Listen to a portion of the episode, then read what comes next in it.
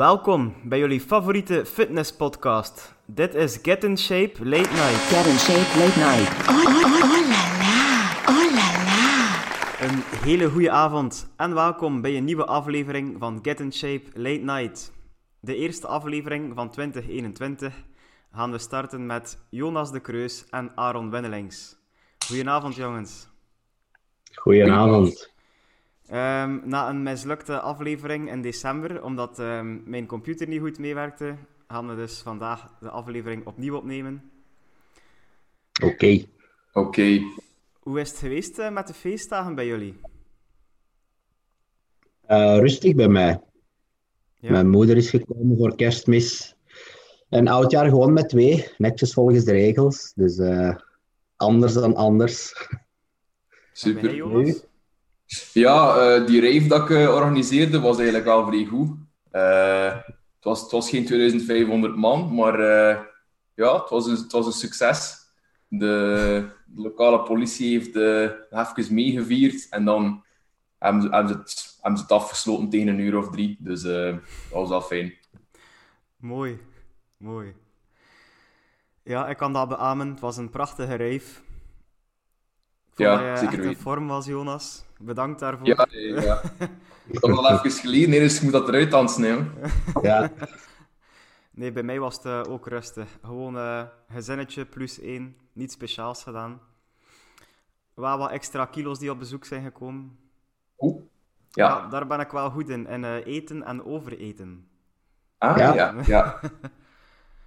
ah, nee, ik heb moeite meestal met genoeg te eten. Dus bij mij is dat vaak omgekeerd als het feestdagen zijn. Hm. Ja, hij zei weer ehm, iets serieuzer uw, uw voeding aan het opnemen. Of ja, iets serieuzer. Eh, opnieuw bezig met Ja. wat extra kilo's erop te plakken, heb ik gezien. Ja, zoals ik zeg, ik eet altijd te weinig. Dus nu ben ik even bezig met terug consequent eens eh, te gaan trekken en zien dat ik genoeg eet. Trainen doe ik ook altijd wel goed, maar nu terug echt een beetje een logboek bijhouden, progressief overload. Allee, volgens regels van de kunsten. Goed. Niet te breed worden, niet, Aaron, want dat vind ik nee. niet schoon. Hè. Nee, nee. Het moet, nog natuurlijk lijken. Hè. Ja, dus Ja, dat. en ook niet te droog zo. Zo al die Ja, buikspieren en aders, bam. Ja. Echt Vies, niets hè, voor ja. mij. Liever een echt mannenbuikje. Ja, ja, Ja. inderdaad. Hoe grief moet onder een afdak hangen, hè? Sowieso. Ja. Ik heb al zitten denken, zit er misschien nog een, eh, een nieuwe wedstrijd aan te komen voor u? Of is dat geen optie meer? Eh, zin wel. Ehm, en zeker omdat ik met wat ik nu meer weet dan een aantal jaar geleden, wilt je wel eens zien hoe dat je dat zelf op jezelf kunt toepassen en niet enkel op je cliënteel. Ehm, maar of het haalbaar is, en daarmee bedoel ik, ik moet zien dat ik mijn, eh, mijn focus erbij hou voor de zaken nu. En ik weet niet of dat haalbaar gaat zijn als ik echt zwaar begin te preppen voor een wedstrijd. Dus eh, dat trainen en dat eten, dat is kwestie van prioriteiten. Hè. Maar Mhm. ik moet wel mijn, mijn kop erbij houden. En dat is wel iets dat moeilijker wordt, vind ik, als je echt heel laag of heel diep begint te gaan in je dieet. Ja. Dus dat zou mij momenteel even tegenhouden. Moest de komende jaren alles zodanig geregeld worden dat ik wat mensen heb die wat dingen kunnen opvangen gedurende een paar maanden, dan misschien wel nog eens. Maar dit jaar, met alles wat er op de planning staat, denk ik niet dat dat realistisch is. En als ik mij voorbereid, ga ik niet voor een tweede plaats. hè. Dus dan wil ik het te goed doen ook. Yes. Ehm, ja, een nieuw jaar, 2021. Eh, veel mensen dachten van, wow, nog even 2020 afronden en dan is alles voorbij, dan is alles weer goed. Maar ehm, ik denk dat dat een volledig verkeerde visie is. Hè. Hoe denken jullie Ah. dat het jaar er zal uitzien? Eh, ik, had daar straks nog eens over nagedacht. eh. ja, ik denk dat er 2021 toch zeker de eerste helft niet veel gaat veranderen. Maar eh, ik denk dat het wel een beter jaar zal worden dan 2020, omdat we het gewoon gewoon zijn. Allee, gewoon zijn. Dat we weten wat er ongeveer aan de hand is. Ik denk eh, dat velen van ons vorig jaar een, een beetje een eh, jaar was dat ze echt verschoten waren van veel dingen die veranderd waren. En nu merk ik toch wel bij mezelf en ook bij anderen dat dat... Ja, wordt alles gewoon op een duur. Hè. En je ziet, ziet waar er mogelijkheden zijn en je werkt met wat dat hebt. Ik denk dat dat niet anders is of in, of in, in 2019 of 2018 dan bijvoorbeeld. Nee, klopt. Ik denk inderdaad, zoals gezegd, dat het wel allemaal stilaan zal verbeteren. Maar ja, het, het idee dat sommige mensen hebben van als iedereen gevaccineerd is, is alles terug direct normaal. Ik denk dat dat een beetje een illusie is. Ja. Dat gaat niet het geval zijn. Dus eh, Ik, ik Maar- hoorde ehm, eh, een Engelse personal trainer vorige week of deze week nog zeggen van... ehm, dus zij zijn daar nu volledig in volledige lockdown terug opnieuw. En dat ze, spraken, dat ze hadden al voorspeld in november dat januari nog een lockdown ging zijn. En zij spreken over de laatste lockdown. Maar goh, ik weet dat eigenlijk nog niet. Dus ik hoop van, ik hoop van wel, maar ehm, we zullen zien. ik denk dat we er een beetje mee zullen moeten leren leven. Dat dat Mm. soms nog eens gaat opflakkeren waarschijnlijk. En dat wij dan terug even allemaal de maatregelen gaan moeten volgen. Zo denk ik dat dat gaat zijn de komende jaren.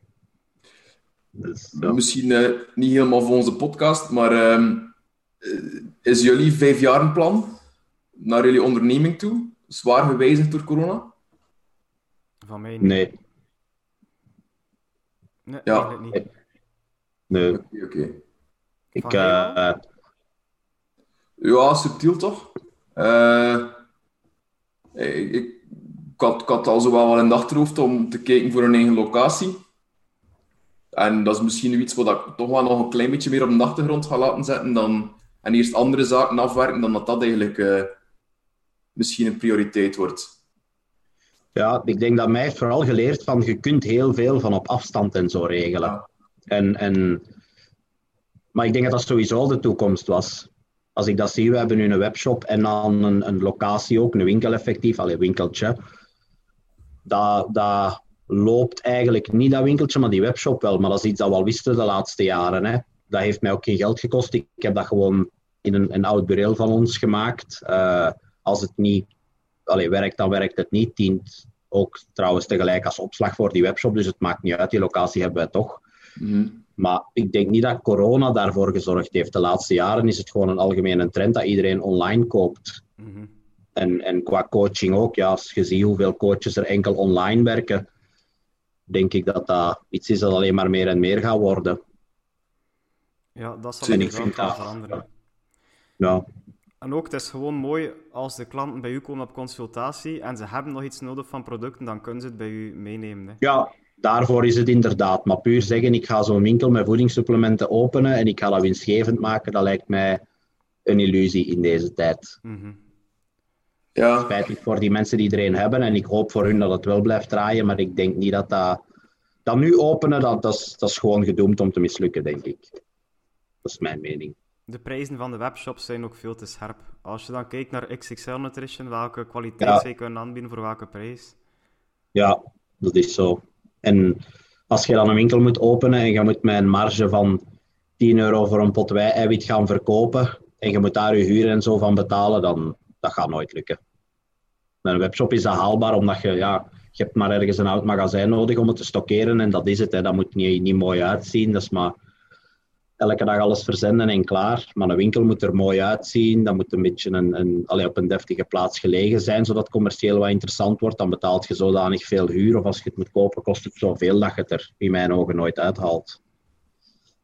Dus Mhm. Voor mij ligt de focus nu vooral eerst op terug ehm, 100% draaien. Want ik merk ook dat de helft van mijn klanten sowieso nog niet geneigd zijn om terug herop te starten.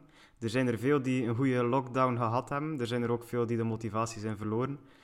Ehm, maar ik denk de normale grote januari-piek dat we hebben, de goede voornemens, dat die wat gaat wegvallen. Of iets later zal vallen. Hopelijk. ik vind het moeilijk om te vergelijken, omdat ehm, ja, het was bij mij sowieso aan het groeien. Dus ik moet maar gewoon dan denken ergens van hoeveel harder was het misschien nog gegroeid als er die lockdown niet geweest was. Desondanks die lockdown heb ik, hebben wij nog altijd een groei. Dus ja, het is enkel ja, speculeren van hoeveel beter was het nog geweest als er geen lockdown was. Ja. Ehm, Ja. Wat ik wel merk is dat veel mensen sowieso terug aan het sporten gegaan zijn, op hun eten aan het letten zijn, omdat ze zoiets hebben van het duurt te lang, we kunnen niet blijven thuis zitten, niks doen. Mhm. Dus ja, ik weet niet hoe dat de trend gaat zijn van mensen die daarna wel of niet terug naar de fitness gaan. Ik denk dat er ook wel mensen zijn die zoiets hebben van ja, ik heb alles gekocht voor thuis, dus ik ga thuis blijven trainen. Dat is exact wat ik ook aan denk. Ja, Inderdaad. Ehm, ja, dat is ook zoiets, de heropening van de fitnesscentra. Ik heb hier al klanten gehad die zeggen, ja, normaal halverwege januari. En dan denk ik, oei, dat is volgende week. Ehm, Ja, nee. maar als we realistisch zijn in het vroegste geval midden februari, wat ik niet zie gebeuren als we geen derde lockdown willen, ik denk dat Mhm. we eerder mogen mikken op maart of april. Ik ga uit van inderdaad maart, april. Mhm. Zo heb ik mijn planning hier ook gemaakt naar, eh, ja, naar de, de zaken die, die. naar de nieuwe zaken die we gaan opstarten. Ga ik ervan uit dat, die, allee, dat we kunnen starten in maart ten vroegste. Mhm. Ik denk dat dat anders wat onrealistisch is. Eh, ik denk, fitness is vorige keer ook bij de laatste aan bod gekomen om terug te openen. Ik denk juist voor de horeca. Dus bij de volgende bespreking, nu ik denk al dat ze hadden aangekondigd dat er al geen versoepelingen gingen zijn nu. Dus het zal voor daarna zijn ten vroegste. Ja, En als dan je dan eh, in, het, in het standpunt van die fitnesscentra kijkt, zo die kleine zelfstandigen, die bijvoorbeeld 5 tot 8000 huur per maand nu moeten betalen, dat is echt ongelooflijk verschrikkelijk. Mhm. Ehm, als je Ja. kijkt op tweedehandsgroepen op Facebook van fitnessmateriaal, merk je dat er al ongelooflijk veel faillissementen zijn. Ik denk dat dat echt een Ja. sector is die super hard getroffen zal zijn, samen met horeca. Ja, sowieso. Dat is zo. En dat is ook, vind ik, een heel moeilijke discussie, want dat is natuurlijk...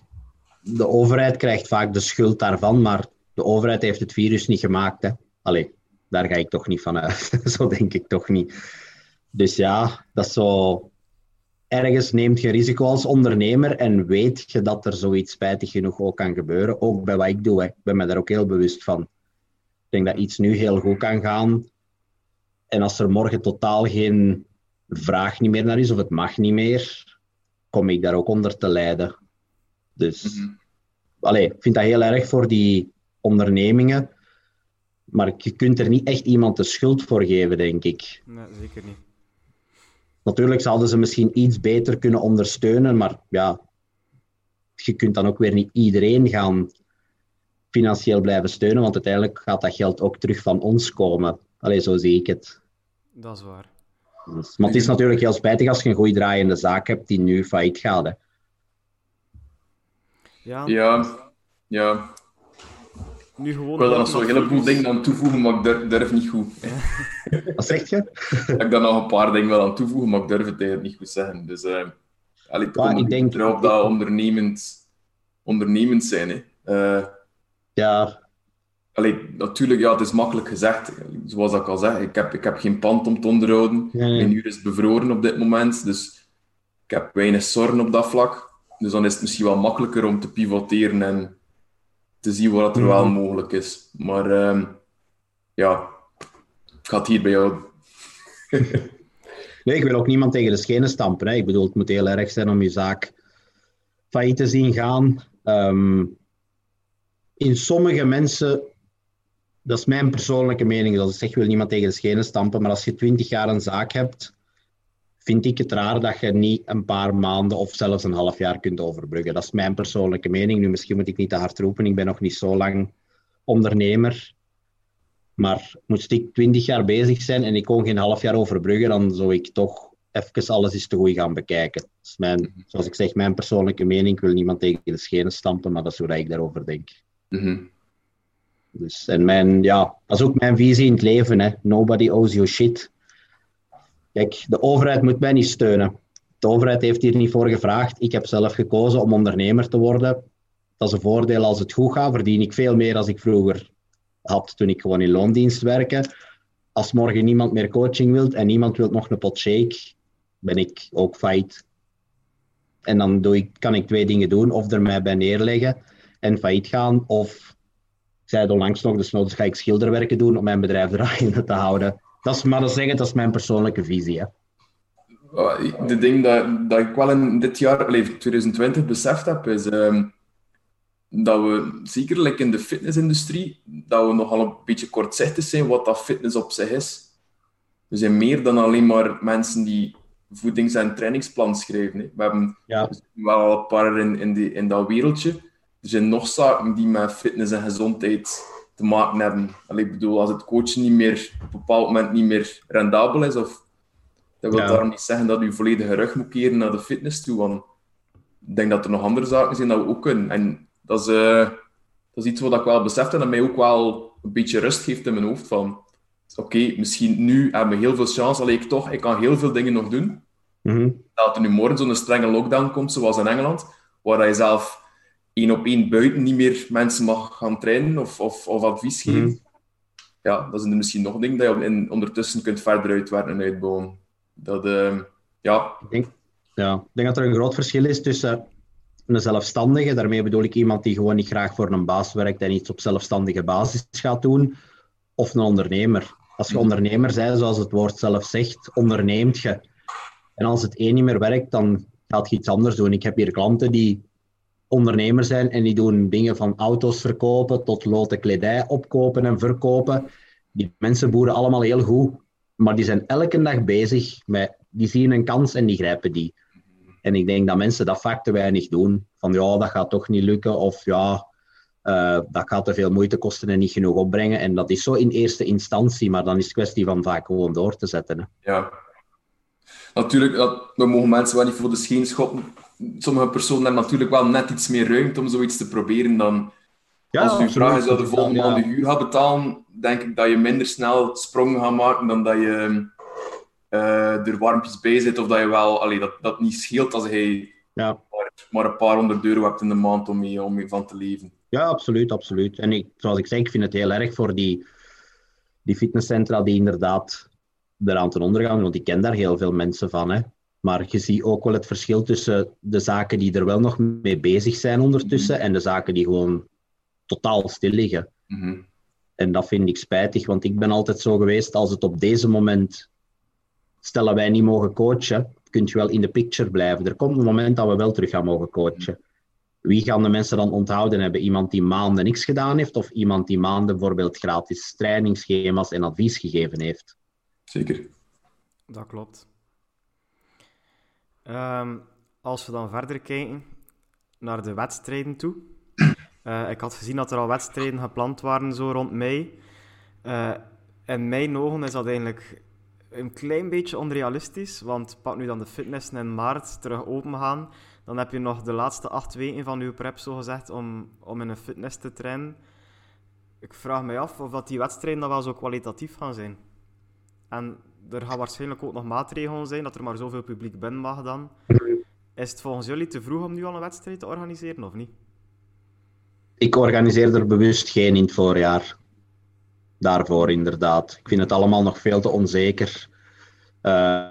Eén, voor de atleten is het niet leuk als je het moet annuleren. En twee, je moet een kat een kat noemen als je zo'n evenement organiseert en je moet het annuleren laatste minuut. Ik heb het vorige keer voor gehad, kost u dan een hoop geld. Dus ja, dat lijkt mij het risico niet waard op deze moment, zal ik het zo zeggen. Ja, hè. Ja, bij ons bij de NCOBB zijn we er nog niet helemaal uit. Eh, persoonlijk sluit ik me volledig aan bij Aaron. Ehm, in 2020 hebben we de finale van het Belgisch kampioenschap nog willen organiseren. Om de atleten toch een wedstrijdkans te geven in 2020. En dat is dan 24 uur voor de wedstrijd geannuleerd geweest. Eh, en dat is toch iets wat, dat, wat dat wel een beetje in uw kleren kruipt, vind ik. Ook omdat doet dat wel grotendeels op vrijwillige basis. Iedereen stikt daar wel veel tijd in. Hetzelfde, de atleten zijn ook ontgoocheld. Ehm, en ik weet niet of dat, dat wel zo slim is om nu iets te organiseren. Maar er zijn wel andere mensen in de, in de organisatie die wel hetzelfde principe als vorig jaar nog altijd een beetje in het achterhoofd hebben. Van, we moeten ze een kans geven. We willen daar eh, eind deze maand zeker een, eh, een duidelijk antwoord op hebben. Maar persoonlijk lijkt het mij totaal niet aan de orde nu om, eh, om iets deftig te organiseren in het voorjaar. En de vraag is natuurlijk ook ergens of het een goed idee is om te beginnen voorbereiden als atleet. Mhm. Want je gaat je immuunsysteem er natuurlijk niet sterker op maken in een wedstrijdvoorbereiding. Dus ja. Nee, en zeker Nee. als je bijvoorbeeld vorig jaar in mei al hebt wel een preppen en het is geannuleerd geweest, dan heb je geprept voor het najaar, dat ook weer geannuleerd is Mhm. geweest. Als je dat voor een derde keer moet gaan doen, dat is onbegonnen werk gewoon. Ja, Want- inderdaad. De kans Ja. zit erin dat we rond die periode nog een, een derde lockdown gaan krijgen. Dus dat is allemaal heel gevaarlijk. Ik heb Ja. het ook gezegd aan, eh, aan mijn atleten van kijk, als je wel wedstrijd doen dit jaar, zal het sowieso niet voor oktober zijn. Als je Ja. realistisch moet zijn. Mhm. Ja, en, ook dan denk ik, eh, als we dan stellen dat alles, alles goed loopt voor oktober, november, dat je ook een, een veel betere wedstrijd hebben, denk ik. Je gaat, een, je gaat Ja, veel ik- meer atleten hebben die klaarstaan. Eh, doordat het zo'n grote wedstrijd wordt, zal het een grote, Ja. grote opkomst zijn. Sponsors die misschien meer interesse hebben, dat zal heel lang Ja. niks meer kunnen doen hebben. Ehm, ja, we zullen zien. Ja, volledig mee eens. Om nog even verder te gaan over dat coachen, waar dat we nu al even over aan het spreken zijn. Hoe zijn jullie eigenlijk gestart als coach? Ehm, ik als hobby. Mezelf eh, wedstrijden te doen. En dan eh ik altijd een paar mensen die advies komen vragen, die dan ook wedstrijden willen gaan doen, die wat geholpen. Niet officieel als coach, maar ja, hun voedingsschema's gemaakt, geholpen met hun training, poseren. En zo is dat eigenlijk begonnen. Ik denk, goh, denk in 2000, ik zie maar dat ik zeg, 15, 14, 15 heb ik de eerste mensen op het podium gezet. En dan, eh, zo is dat meer en meer gegroeid. Ook meer en meer in gaan interesseren, bij studeren. En dan eh eind, nee, begin 2019 zeker, ja. Volledig eh, zelfstandig daarmee van start gegaan. Alright. Dan al volledig zelfstandig. Ja, Ja, nice. Dus dat is ondertussen eerst al derde jaar. eh, ja, gaan nu het derde jaar in, klopt. Ja. Niet gedacht dat het zo ging groeien. Ergens gehoopt, maar dat, is, ja, dat had ik niet verwacht dat daar zo'n grote markt voor ging zijn. Dus eh, ik denk dat veel mensen dat niet gedacht hadden. Dat is altijd mooi hè, als je van je hobby je beroep kunt maken. Klopt, hard werken. Ik denk dat dat veel mensen dat, dat, ze dat onderschatten, hoe hard dat, dat werken is om zoiets uit de grond te stampen. Dat je bent daar letterlijk 24 op 24 mee bezig. Dat is ook mijn mening, dat als je een beetje een goed businessplan hebt, voor de rest is het gewoon een kwestie van hard werken. Je kunt altijd iets doen, je kunt altijd iets verbeteren. En zolang je dat blijft doen, er zullen uiteraard ook dingen mislukken. hè. Ik heb ook al eh, zaken beslist of gedaan waarvan ik achteraf dacht van ja, dat was niet het beste plan. Mhm. Maar daaruit leert je dan ook. Hè. Mhm. Dus, eh, en ja, ik denk advies eh, willen aannemen van mensen. En dan bedoel ik niet enkel uit de fitnessindustrie, maar ik heb hier bij mijn klanten wel wat grote ondernemers zitten. Soms heb ik een geweldig plan en dan zetten die mij ook terug met mijn voeten op de grond van ja, heb je het zo en zo al eens bekeken? En dan zeg ik, ah ja, oké. Want die mensen hebben die scenario's natuurlijk al meegemaakt. Hè. Die weten wat is om snel te groeien en ook de valkuilen daarvan. Hè. En dat is denk ik mijn probleem. Ja, ik ben op dat vlak ook wel, ik denk dat iedereen dat heeft als ondernemer je bent ongeduldig. Hè. Je hebt plannen en je wilt dat zo rap mogelijk, maar soms heeft het gewoon tijd nodig en ja, er gewoon stapje per stapje aan blijven werken. Eh, hetzelfde zoals dat een klant bij u komt en 10 kilo op 4 weken wil kwijtspelen, dan wij eh, six figures halen op Ja. ons eerste jaar. Ja, ja dat Ja. is zo. Ja, klopt, Dus, eh, klopt. Kijk hoe dat Maar ik Amazon gestart is. Dat is ook zoiets. Ja, Heel Nu, ik denk dat- dat is iets dat je doet uit passie nog altijd. hè. Oké, op den duur wordt het dan ook zakelijk als je er een bedrijf van maakt. Dan moet je ook gaan kijken naar de cijfers. Maar je doet het nog altijd om de mensen te helpen. Hè. Mhm. Het feit dat ik mij nog altijd kan druk maken in het feit dat mensen het plan niet volgen, wil zeggen dat je het niet alleen voor het geld doet. Hè, want dan zou je zoiets hebben van, ja, het maakt niet uit, hij betaalt mij toch. Mhm. Maar dat is niet wat ik hier heel de dag wil doen. Hè. Je wilt dat mensen resultaat hebben en je wilt die zo goed mogelijk helpen. Hè. En hij, Jonas, hoe zijn hij daarmee gestart? Ehm, tijdens mijn, mijn wedstrijdvoorbereiding eh, in 2016, zo gaandeweg in die periode zo wat meer begin bijlezen. Ehm, maar eigenlijk geen flauw idee waar ik moest starten. En ik was het beu om eh, telkens puzzelstukjes te vinden, maar nooit de puzzel te kunnen leggen. En dat was ik zodanig beu. Eh, via een paar podcasts ben ik eigenlijk uitgekomen op de de toenmalige Shredded by Science Academy. Dat was een, ehm, een cursus waarin er een deel algemene PT-opleiding zat, maar ook modules bodybuilding en powerlifting. En dat sprak mij zodanig aan dat ik eigenlijk om zelfontwikkeling begin studeren ben. En ze moedigen dan aan in die, in die cursus, dat is een, jaar dat die cursus duurt, om zo een paar ehm, mensen te zoeken waarmee dat je kunt eh, starten met coachen en bepaalde principes een beetje al gaandeweg ondervinden. En dat was eigenlijk zodanig fijn om te doen, dat ik daar eigenlijk ingerold ben. Ik werkte toen fulltime eh, als laborant. eh, en ik ben dan zo in bijberoep gestart. En eigenlijk zo gegroeid naar fulltime in 2018. En op die manier, eh, beetje bij beetje. En zo was Aaron. Dus soms een keer een stommiteit begaan. Allee, stommiteit. Iets waar je veel van kunt leren. Ja. En dan niet vergeten en daaruit uit, eh, andere stappen zetten. Dus eh, op die manier. Uit al En onze Gies, fouten leren. Wat zeg je? Uit al onze fouten kunnen we leren. Hè. Ja, Ja. dat Belangrijkste is voornamelijk is om, eh, wat je fout doet. Wat blieft? Dat voornamelijk eerst te weten komen is wat je fout doet. Want dat, dat is niet altijd... Dat is niet altijd direct dat aan de oppervlakte komt. Nee, dat is waar. Dat merk je ook hard bij mensen die je gaat coachen of aan het coachen bent. Je hebt mensen die de fout bij zichzelf niet kunnen inzien van oké, ik doe duidelijk iets verkeerd, anders zou ik ook geen hulp komen vragen. Mhm. Dat zijn de moeilijke mensen die dat zelf niet inzien als ze iets verkeerd aan het doen zijn. En die mensen, ik heb er hier zo die aan mijn bureau zitten en zeggen ja, ik doe duidelijk verkeerd, want het lukt niet. Dat zijn de makkelijkste mensen om te helpen. Ja. Ja, klopt. klopt. Die staan een stapje verder in dat proces. Ja. Ja, ja. klopt. En bij jou, Gies? Wel, ik heb ehm, rond mijn, pff, wanneer was het, Eh, 18 of 20 jaar begin werken in een voedingssupplementenwinkel. Dat was eigenlijk constant de hele dag door supplementen verkopen. Dat ging van kruidenthees tot maasgainers, creatine, echt alles. Eh, en daar kwam er af en toe wel wat mensen langs die zeiden, ja, maar jullie ook voedingsschema's op. Maar op dat punt dacht ik nog van, oké, ja, supplementen zijn hier het belangrijkste om spieren op te bouwen. Duidelijk niet dus. Eh, en zo ben ik begonnen, zelfs bij een simpele cursus bij Sintra West, sportvoeding gaan volgen. En eh, voor die klanten daar wat schema's beginnen maken. Dan één iemand geholpen, die haar klant was in die winkel voor een wedstrijdvoorbereiding te doen. Daar ook heel veel uit bijgeleerd. En dan heb ik begonnen in bijberoep. Dus daar dan gestopt met werken, omdat ik daar enkel kon fulltime doen. Zo dan eh, bij Decathlon gaan werken, minder uren gedaan elke keer. Bij Basic Fit gaan werken, nog minder uren gewerkt. Ehm, en zo stilaan overgestapt naar fulltime coaching.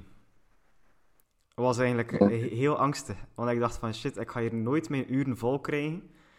Maar dat is toch sneller gegaan dan dat ik dacht. Ik ben eigenlijk van een klein bureautje op de zolder dan overgestapt naar een iets grotere praktijkruimte. Mhm. Maar dat is wel ja, mooi aan het beroep, hè. doordat je diensten verleent.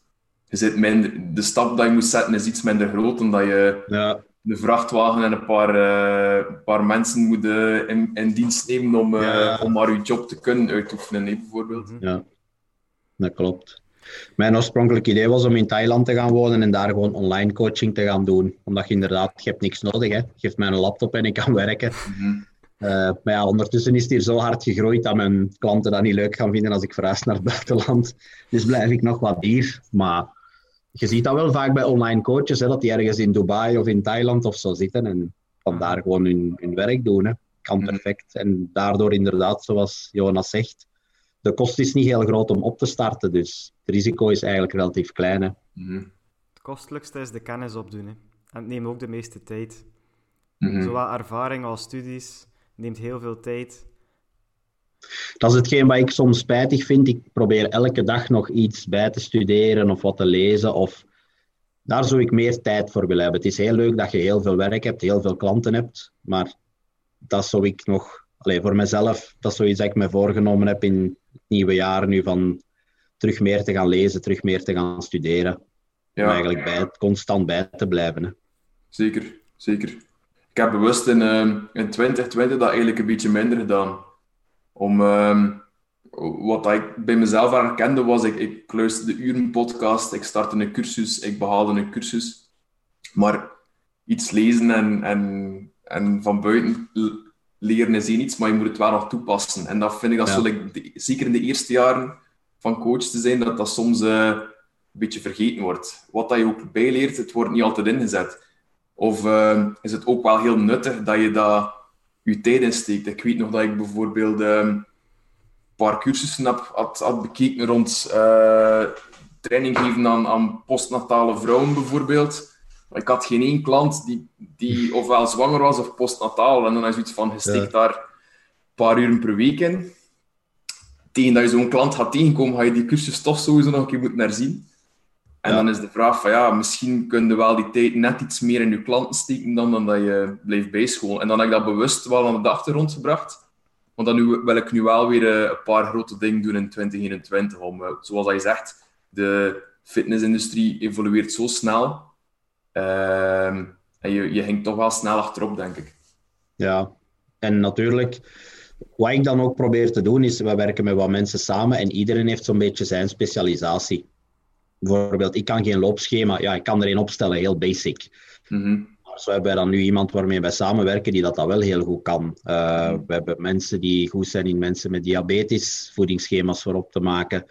En, want je kunt ook niet alles, je specialiseren in alles. Hè. Ik denk dat je op een duur echt wel moet gaan selectief zijn en zeggen van kijk, dat en dat en dat ga ik mij in specialiseren en dat is iemand anders van ons team of weet ik veel wat dat zich daarin gaat specialiseren. Ja.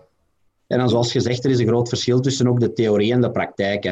Ik vind de theorie heel boeiend. Ik ben zelf heel hard op de wetenschap gebaseerd, maar soms gaat het ook wel iets te ver bij sommige coaches. Als je begint te spreken over, en ze hebben volledig gelijk, hè, wat is je belastbaarheid en zo. Je kunt dat allemaal in zekere mate gaan uitrekenen, maar dat is de theorie. En in de praktijk rekent je uit, oké, die dag, die training, eh, die intensiteit en een RPI van zoveel, maar in de praktijk heeft hij dan een avond ervoor ruzie gehad met zijn vriendin, bijna niet geslapen. Is het dan een goed idee om die zware training te gaan plannen, snap je? Voilà. Dus ik denk dat coachen inderdaad meer is dan enkel uit de boeken de theorie. Ik weet, ik weet nog in het begin ehm, dat ik dan volgens de regels van de kunst een geperiodiseerd schema in een Excel had gemaakt van een zestal weken. Dat Ja. gaan we elkaar opvolgen. En dan had ik een klant die mij eh zondagavond stuurde van ja Jonas, ik ga volgende week niet kunnen komen trainen, want eh, mijn kinderen zijn ziek en ik heb geen opvang. En dan stond het daar met uw Excel van Ja. dat tot in de detail uitgeschreven was. Dus ehm, ja, Ik denk dat het, het percentage waarbij je dat kunt doen is, is klein. Dat zijn topsporters, dat zijn mensen die er echt voor leven. Maar 90% van mijn klanten zijn dat niet. mhm. Ben ik heel eerlijk in. En ik denk dat dat bij elke coach zo is. Hoeveel topsporters heb je die gecoacht? Dat zijn er niet zoveel. Hè. De meeste mensen willen gewoon gezonder worden, sterker worden, beter gaan leven, meer energie hebben. En dan is het, ja, zijn al die complexe dingen in het begin niet van toepassing in mijn ogen. Dus ik zeg altijd, je mag al blij zijn als ze gaan trainen. Laat staan dat ik dan nog ga zeggen met een RPI van zoveel. Dus ik ben al blij als ze in beweging geraken en gaan trainen. zeker dus. Absoluut. Ja, ik heb zo vroeger nog een schema gezien van iemand. Ehm, dat was een, een powerlift schema en er, er stond zelfs een eindgewicht bij van kijk, tegen die datum, binnen zoveel weken, ga je dit gewicht kunnen tellen, ga je dit gewicht kunnen benchen. Je denkt van, oké, totdat je een paar weken verder bent, dat ga je wel zien eh, hoe onrealistisch dat zoiets is. Ja, Het kan meer zijn, het kan minder zijn. Dat is het, je moet kunnen een goede balans vinden tussen theorie en, en toepassen in de praktijk. hè. Je hebt Ja. er, er staan 100 studies op een Instagram, maar ze coachen drie mensen. En ze, kunnen, ze weten nog niet dat ze met mensen moeten omgaan. Je hebt dan tegenovergestelde. De balans moet er gewoon zijn. Kennis Ik ben er ook van over, ervaring. ja, ik ben er ook van overtuigd dat er best wel mensen zijn die er nooit voor gestudeerd hebben, dat heel veel kennis hebben en heel goed in staat zouden zijn om iemand te coachen. Ja. Puur uit zelfstudie en interesse. En dan heb je inderdaad die mensen die een, een universitair diploma hebben, die niet in staat zijn om iemand te gaan coachen. Inderdaad, omdat ze bijvoorbeeld niet met mensen om kunnen. Dus ik denk dat je daar een balans in moet vinden. En wij zijn nu mensen aan het zoeken om voor ons te werken. En ik kan u verzekeren, dat is ook niet zo gemakkelijk om zo'n mensen te vinden. Die al die eigenschappen hebben. Zeker. En dan nog die derde pijler, dat ehm, je kunt dan misschien nog de kennis hebben, goed zijn met mensen, maar dan geen zakelijk inzicht hebben en dan eigenlijk je tijd zodanig slecht besteden dat je er drie of vier maar kunt coachen op de week en dat je gewoon niet rotraakt Ja. en dat je het zelf Ja, niet moet doen om te leven. Dus eh, ja, het is een, het is een, goed, een, een evenwichtsoefening. Ja, Ik denk dat hem dat ook wel, dat je dan wel snel ziet van wie dat er gemaakt is voor zo'n job en wie niet. Ik denk, wij zijn nu alle drie fulltime daarmee bezig. Ik denk dat wij wel perfect al die puntjes kunnen afvingen. Of ja, toch zo goed als pakt nu 90%. ja, ja. Jonas, Ik weet er niet praat dat ben aan mee. Nee, het kan altijd beter, denk ik. ik denk dat dat, maar dat heb je ook gewoon nodig, zowel als, als zaakvoerder als als mens. Gewoon beseffen dat je kunt tevreden zijn, maar dat het altijd nog beter kan. Ja. En zoals ik daar straks zei, dat zijn ook de mensen die op alle vlakken het makkelijkste te coachen zijn. Die mensen die beseffen dat het altijd beter kan. Yes. Ja, als je binnen een jaar terugkijkt naar 2021 en je denkt van ik heb niets bijgeleerd of ik heb geen fouten gemaakt, dan zijn je niet zo goed bezig. Hè. Of ja, Nee. Ik denk dat, dat dat is ook mijn, hè, omdat je dan daar straks zei over die ondernemers die het nu moeilijk hebben. Veel mensen, ik, ik, bij mij gaat het er bijvoorbeeld ook niet in dat je maanden thuis zit in een lockdown. Moest het bij mij zo zijn. Dus ze zetten mij thuis, ik word betaald. Ik zou dat niet leuk vinden, omdat je natuurlijk thuis moet zitten, maar ik zou het langs de andere kant zalig vinden, omdat dat mij gewoon tijd geeft om te studeren. Mhm. Ik kan mij niet inbeelden dat ik dan thuis maanden in de zetel zit Netflix te kijken, terwijl ik een diploma had kunnen halen op die paar maanden, bij wijze van spreken. Dus ik denk, ja, mensen kijken vaak van en naar iemand anders zijn leven. Ik denk dat ze dat bij ons ook doen, van amai, die hebben daar hun job van gemaakt en die leven daarvan en ik wil dat ook en dat is geweldig, maar die beseffen niet wat dat daarbij komt kijken en wat je daarvoor hebt moeten doen.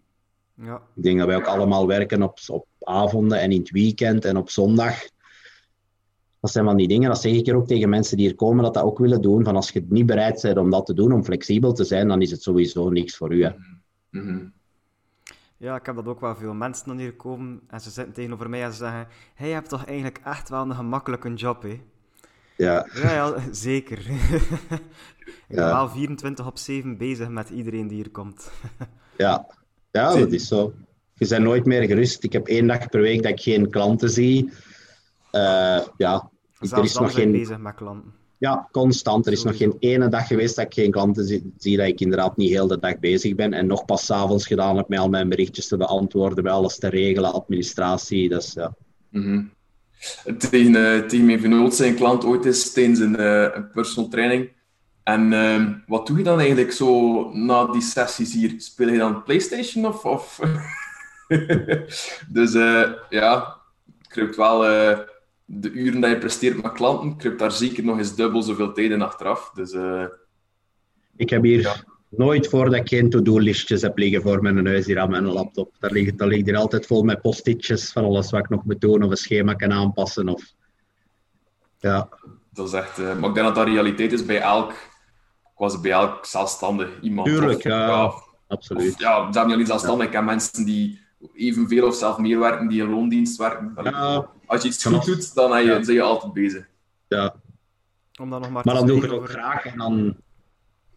om dan nog maar te zwijgen over het papierwerk dat erbij komt. Ja. En nog een boekhouding ook, dat moet gedaan worden. We moeten zelf nog trainen, zelf nog zorgen dat Ja. we een beetje deftig uitzien. Ja, En dat is wat ik daar bedoel ook met die derde pijler. Bijvoorbeeld eh, daar zorgen dat je zo weinig mogelijk uren verliest. En al die domme dingen, dat moet niet gebeuren. Zoals het kwartaalaangifte en toestanden. Dat zijn dingen dat wel eh, belangrijk zijn om ook te zien. Van hoeveel niet factureerbare uren doe ik en wat kan er nog afge- afgehaald worden. Ja, dat is iets dat ik bijvoorbeeld wel eens ga uitbesteden aan een externe dienst om dat eens te analyseren. Mhm. Omdat dat iets is waar ik niks van ken. Ik ben ook zo'n paar boeken aan het lezen over zakelijk coachen en zo. Gewoon hoe dat je efficiënter bent met tijd, eh, met geld. ehm, want dat is uiteindelijk ook belangrijk. Hè. Je, kunt het, Ja. je kunt je job heel goed doen, maar dat wil niet zeggen dat je je bedrijf zo rendabel mogelijk aan het maken bent. Ja, ik heb zo'n eh, cursus gedaan in het begin van 2020, nog net voor de lockdown, omtrent eh, een businessplan en financieel plan opstellen. En dat is nog altijd iets, dat, ik denk dat dat een van de beste investeringen is Ja, wat ik gedaan heb eh, in heel mijn eh, zelfstandige carri- carrière. ja. Mensen denken dan ook, En ook als vaak... het, Zeg maar hoor, Aaron. Nee, als, het, ja, als het groter wordt, is het ook, vind ik, heel moeilijker om daar zicht op te krijgen. Van, daar gaat zo, hè, die cashflow, dat gaat binnen, buiten. En oké, wat blijft er nu over? En, en wat moet ik aan belastingen betalen? En dat, zo, Ja, dat zijn allemaal dingen, daar heb ik dan weer niet voor gestudeerd. Ik ben daarin gerold, dat was een eenmanszaak. Dan is dat een vennootschap geworden. Nu heb ik een paar mensen die dan freelance voor mij werken. En dat wordt op een duur redelijk onoverzichtelijk. En dan heb ik daar ook weer een coach voor nodig, hè, op dat vlak. En zo blijft de economie draaien, hè, jong. Ja, inderdaad. Dat is ook wel nog iets interessants. Klopt. Ze zeggen vaak van, "Wa- waarom heeft een coach een coach nodig? Die kan toch perfect zichzelf begeleiden? Maar dat is totaal fout, hè. als ik wedstrijd deed, had ik nog altijd iemand die, eh Ferdi dan, op het einde maakte ik zelf veel van mijn schema's, maar hij keek nog altijd. En hij zei een beetje minder koolhydraten, een beetje, allez, snap je, zo wat bijsturen. Dat deed hij nog altijd, want je ziet het zelf niet meer op het einde. Ze. Je hebt, je hebt echt zo, allee, ik, ik toch zeker. Je hebt echt verantwoording nodig dat je moet afleggen. Ja. En iemand die sommige mensen misschien wat intomen, maar voornamelijk ook een schop in je gat durven geven. Eh, niet alleen complimentjes van toon je shape ehm, vier weken uit aan je trainingsbuddy en die gaat zeggen waarschijnlijk wow, de Max supergoed bezig, Ja. bla bla bla, maar dat is vaak niet altijd de commentaar dat je wil horen. Eh, Nee. ik heb het waarschijnlijk als verteld op een podcast eh, hier, maar eh 2018 was het seizoen dat ik zonder coach heb gedaan en eigenlijk alles zelf. En dat was een van mijn slechtste seizoenen dat ik eigenlijk had gedaan. Gewoon omdat die laatste weken... Ik had het gevoel dat, me, dat het mij minder moeite heeft gekost om tot vier weken uit te raken wat ik moest zijn. Maar ik, ben no- ik heb nooit gedurfd om zelf eh, de pijnzone op te zoeken in die laatste Ja. Klopt. Ja. En Gies, eh, vertel een keer eh, iets over, eh, over jouw eh, coach eigenlijk. Wel, ja. Ik ben dus begonnen bij Herbalife. Ah, voilà, voilà, voilà. Nee, ik ben ook zo iemand. Ik kan voor al mijn klanten zijn content van de doelen en de plannen dat ik voor hen opmaak, maar voor mijzelf loopt dat altijd in het honderd. Dus voor mij, Jonas helpt mij. Dat is eh, die meneer hier Ja, links van mij. Ehm, ja, en als ik dan zelf denk van oké, ik zou dat nu zo en zo doen, zegt Jonas, nee, nee, eigenlijk moet je dat zo doen. En uiteindelijk komt het ook altijd beter uit. En dat is echt gek, dat je dat gewoon bij jezelf niet ziet van, allee, ik ben hier Ja. dagelijks bezig met tientallen mensen, waar ik perfecte planning Ja. kan voor opmaken, maar voor mezelf lukt dat niet. En dan gaat het echt, Dat dat, dat je zegt, dan gaat het echt gewoon puur over planning. Hè. Dan gaat het niks over theoretisch missen of het een of het ander, maar gewoon je eigen inefficiëntie niet onder ogen kunnen zien of ja, zo eh Sisyphus-toestand. hè. Je rolt iets de berg op in de week en het rolt ergens anders weer naar Ja. beneden. Ding, hè, dat je niet kunt inzien bij jezelf. ik denk dat je daar zelf te diep in zit bij jezelf. Mhm. Ehm, dat is altijd zo, dat is in je eigen bedrijf ook zo. Je ziet door de bomen het bos niet meer. En dan heb je iemand extern nodig die dat eens van op een afstand gaat bekijken en zegt van ja, maar daar zit het gewoon al fundamenteel fout. En dat moet je gaan aanpakken. En ik denk dat dat juist hetzelfde is. Ja. Want dat mens, ja, is menselijk. Ik denk zelf dat een klein beetje, ehm, goh, een plicht is niet zo'n zwaar woord, maar ik denk dat dat iets is waar we sowieso moeten open over zijn dat dat, dat dat zo is. Want ik denk dat onze job anders nog veel minder waarde zou hebben, moesten we niet zeggen dat, dat, dat een coach ook een coach nodig heeft. Want daar gaat het hem juist om. Het gaat om die externe persoon die u onder zijn vleugels neemt om, eh, om hoger op te raken. En dat heeft denk ik iedereen nodig. Ja, een coach of een mentor dan inderdaad. Ja. Ja, ja, Ja. nee, absoluut. Ja, Op zakelijk vlak is dat dan eerder een mentor, vind ik. Dan, maar op, op vlak van training en voeding is dat inderdaad ja, een coach. zo'n modewoord. Hè. Eigenlijk is coach dat is zo'n lelijk woord, vind ik. Ja. Eh, Iedereen is coach. Je Ja. trouwens wie, eh, wie Jonas zijn prepcoach was vroeger? Nee. Timothy Nee, is het waar? Timmerman. Ja, Serieus? ja. Ah ja, Dus, wacht, eh, ik heb, hij heeft me dat ooit wel gezegd, denk ik, maar dat is lang geleden. Ja, ja, ja. ja. Dus als we dan spreken over eh, in die 2018 prep zelf niet eh, de danger zone durven opzoeken, ja. dat was dan in 2016 een heel ander verhaal. Dat was dan midden in de danger zone al blijtend in uw bad zitten en dat opbiechten aan uw coach. En dan kreeg je de, een berichtje terug. Mietje, als het niet lukt, ga dan bieken niet doen. Dus Ja. zo'n toestand, dat was, dat was Timothy. En dan waren heel kwaad erop. En dan Ja. eh, volhard je in de kwaadheid en doe je verder. En dan achteraf zeg je merci. Ja, nu, ik moet zeggen, Timothy was ook degene die, ook een van de weinigen die tegen mij altijd, Timothy en mijn trainingspartner Jeff, die ook eerlijk durfde zijn. Want zoals gezegd, als je in de fitness je eigen laat zien, is het allemaal geweldig en zeg je Mr. Olympia. Mhm. Maar dat moet je niet horen op die momenten. Dat is meestal in de... Nu, Timothy zei het dan ook wel als het wel goed was. Dan kon hij ook wel persoonlijk een bericht sturen van, deze was goed. Yes. Dus, ja. Maar ik denk dat dat typisch is. Ik hoor dat hier ook heel vaak. Hè. Mensen die op dieet zijn en dan zeggen, ja, zo die schrik om spiermassa te verliezen. Dat ik ook zeg, nee, nee, je moet echt nog wel een stukje dieper gaan om Mhm. competitief te zijn. En dat had ik zelf ook. Ze. Te veel gefocust op die weegschaal. En, Ja. ja. Ja, absoluut. Bij mij was het 2018 voornamelijk de valkuil dat eh, ik had dan heel de flexibele aanpak, uh, lichte, zware trainingsdagen, zodat ik daar meer flexibel mee kon omgaan. Dus alles zo mooi mogelijk proberen. Voor de eerste keer uh, niet bepaalde voedingsmiddelen vermijden en doorheen heel die prep. En dat dan een beetje als statement willen doen. Hè. Zo nog zes weken uit kunnen zeggen dat je met je madame nog een pizza gaat eten. En dat dat allemaal goed en wel is. Maar dat je dan de andere zijde, wanneer dat het echt moet hard doorgebeukt worden, dat dat dan wegblijft. En dat is Ja. iets wat ik ook wel veel uitgeleerd heb. Ik denk ook dat op vlak van flexibel diëten, ik ben er ook 100% voor. Ik doe dat zelf constant, al mijn klanten doen dat. Maar dat neemt niet weg dat je als bodybuilder zeg je een heel uitzonderlijk geval op vlak van voeding. Hè. Niemand gaat normaal tot die vetpercentages. En ook al kun je het wetenschappelijk niet aantonen, is er soms inderdaad een verschil als je iemand pasta laat eten of rijst laat eten. Ondanks dat hem dezelfde hoeveelheid koolhydraten, vetten en eiwitten binnenkrijgt, dat je wel degelijk een verschil ziet. Mhm. En dat is dan weer, zoals ik daar straks zei, je hebt de theorie en dan heb je de praktijk. En wat ik in de praktijk vaak zie, is dat coaches die heel veel theoretische kennis hebben, er maar niet in slagen om iemand te doen pieken en op een podium te zetten. Zeker. Zeker. Ja, maar dan, als je dan kijkt naar dat flexibel diëten, mensen die nog two weeks eh, oud een, een Dr. Oetker van 850 calorieën inplannen, dat is ook wel fout, hè? Ja, ik denk dat flexibel diëten, dat is bij mij niet inderdaad pizza's eten. Dat is, eh, je kunt afwisselen met je groenten en je kunt eens een keer inderdaad aardappelen of rijst eten. Of je kunt inderdaad nog bij je ontbijt een snee brood eten bij je ei. Maar inderdaad, dat wil niet zeggen koffiekoeken eten en s'avonds Ben Jerry's eten. Nu, in mijn ogen gaat het er ook niet. Want eigenlijk, stel dat je zegt, je moet je, je calorieën binnenkrijgen, je macro- en je micronutriënten. Dan is er al niet meer zo heel veel spelings. Hè. Nee. Dan kunnen nog flexibel zijn, maar die een Ben Jerry's die gaat er dan al sowieso niet in passen. Hè. Nee, en wat ik dan denk, oké, je kunt misschien nog deels je ehm, micronutriënten opvangen door supplementatie, maar Ja, no way dat je, daar, dat, je dat gaat kunnen trekken. Allee, als, je, Nee. als je echt op je laatste kilocalorieën zit, op je laatste vetpercentage, dan is dat gewoon zodanig caloriedens dat je Ja. niet vult dat dat gewoon... in dus dat, ik zeg altijd, waarom zo je eigen daarmee kloten? Ja, dat, dat is, het, want dat is het Ja. echt. Het is Ja. jezelf echt kloten op die manier. Ja, En dan al uw hongersignalen, hongerhormonen zijn zodanig Ja. kritiek.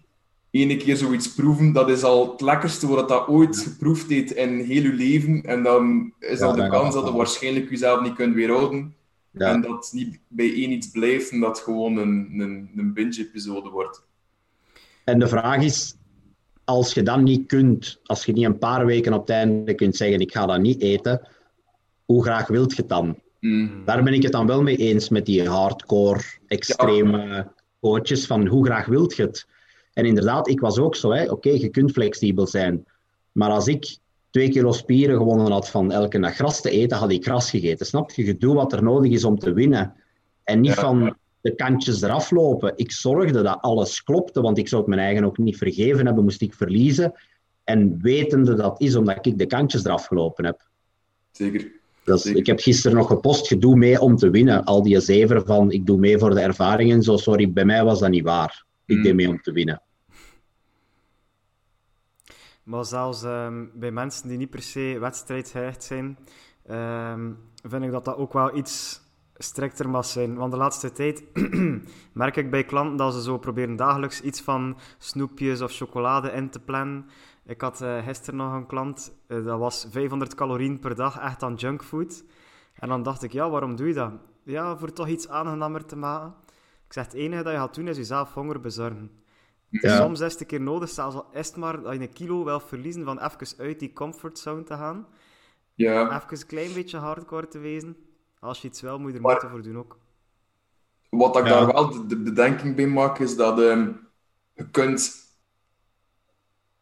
maar weten wat dat werkelijk betekent, flexibel. Want flexibel is niet if it fits your macros in principe. Dat is een extreem variant, net zoals dat eh je voedingsmiddelen op vijf, op, op vijf dingen kunnen opnoemen, bijvoorbeeld. Eh, Heel de clean eating toestand een heel extreme variant is. Maar je kunt maar, denk ik, die gulden middenweg vinden, totdat je zelf ook beseft van, oké, ik ken hier 2000 kilocalorieën als budget per dag. Als ik dat ga volsteken met dingen dat eigenlijk niet voedzaam zijn, dan ga ik een slechte dag in. Allee, misschien een slechte dag, maar een slechte morgen hebben, bijvoorbeeld.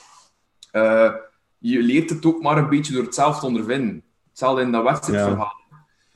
Als je weet dat je je calorieën hebt opgevuld met Ben Jerry's op een dag, dan weet je dat morgen en overmorgen gigantisch gaat sukken. Hè. Ja, Dat is heel juist. klopt. Zijn er zo nog fouten die jullie ehm, vaak terug zien komen bij klanten? Zoals bijvoorbeeld zaken verkeerd inplannen en zo. Vooral op vlak van training, en dan spreek ik over bodybuilders. Ehm, voeding gaan ze over het algemeen, sommigen zelfs tot het extreme toe, die inderdaad nooit een snee brood willen eten, want hè, dat is not done in dat milieu. Maar op vlak van training is er dan, ik denk dat 90 hè, mensen mogen erop reageren als het niet waar is, maar ik denk dat 90% van de mensen die wedstrijden doen, geen concreet plan heeft qua training. Ja. Als ik, dat denk ik. En laat staan dat ze trekken en als ze effectief gaan weten van oké, hoeveel progressive overload heb ik nu toegepast de laatste drie maanden? Of, of wat, wat is, gewoon al eens de vraag stellen, wat is een deload? Wat is een RPI? De meerderheid weet het niet, maar dan vraag ik mij af, en ik heb die fout ook gemaakt, hè. maar als je alles tot in de puntjes wilt doen, en je supplementen zijn tot in de puntjes, en je voeding is tot in de puntjes, waarom is je training dan niet tot in de puntjes? Ik, Bij mij gaat het er bijvoorbeeld niet in dat je, als je een wedstrijdvoorbereiding bent, eens even met iemand anders die in een andere gym gaat trainen en zijn training gaat meedoen. Hmm. Sorry, dat gaat niet. Dat gaat niet. In de wielrenner gaat ook niet zeggen, halverwege de training voor de Tour de France, ik ga mijn mountainbike pakken, ik ga met mijn maten turken in het Ja. bos fietsen. Dat doe je gewoon niet dan. Zeker. Dat is eh, helemaal zeg, waar. dat mag, maar besef dat degene die daar staat en wint waarschijnlijk wel al de, de boxes heeft afgetikt, om het zo te zeggen. Dus wel overal 100% mee bezig was. Ja, En dat is hetgene wat ik er juist leuk aan vind. Dat zo, ik ben er nu ook nu terug echt mee bezig. Ik trek mijn training, ik trek mijn voeding, mijn supplementen zijn perfect, snap je? Dat moet allemaal kloppen. En dat geeft mij... Mijn moeder zei onlangs nog, discipline geeft rust. Mhm. Je hebt je plan voor een dag, je hebt je voeding, dat maakt mij gewoon rustig, want ik weet alles klopt. mhm. En in, dat is denk ik als je flexibel omgaat in een wedstrijddieet. En flexibel, als je dan nog de dag ervoor je planning maakt qua voeding. Oké, dat en dat en dat ga ik eten, dat is oké.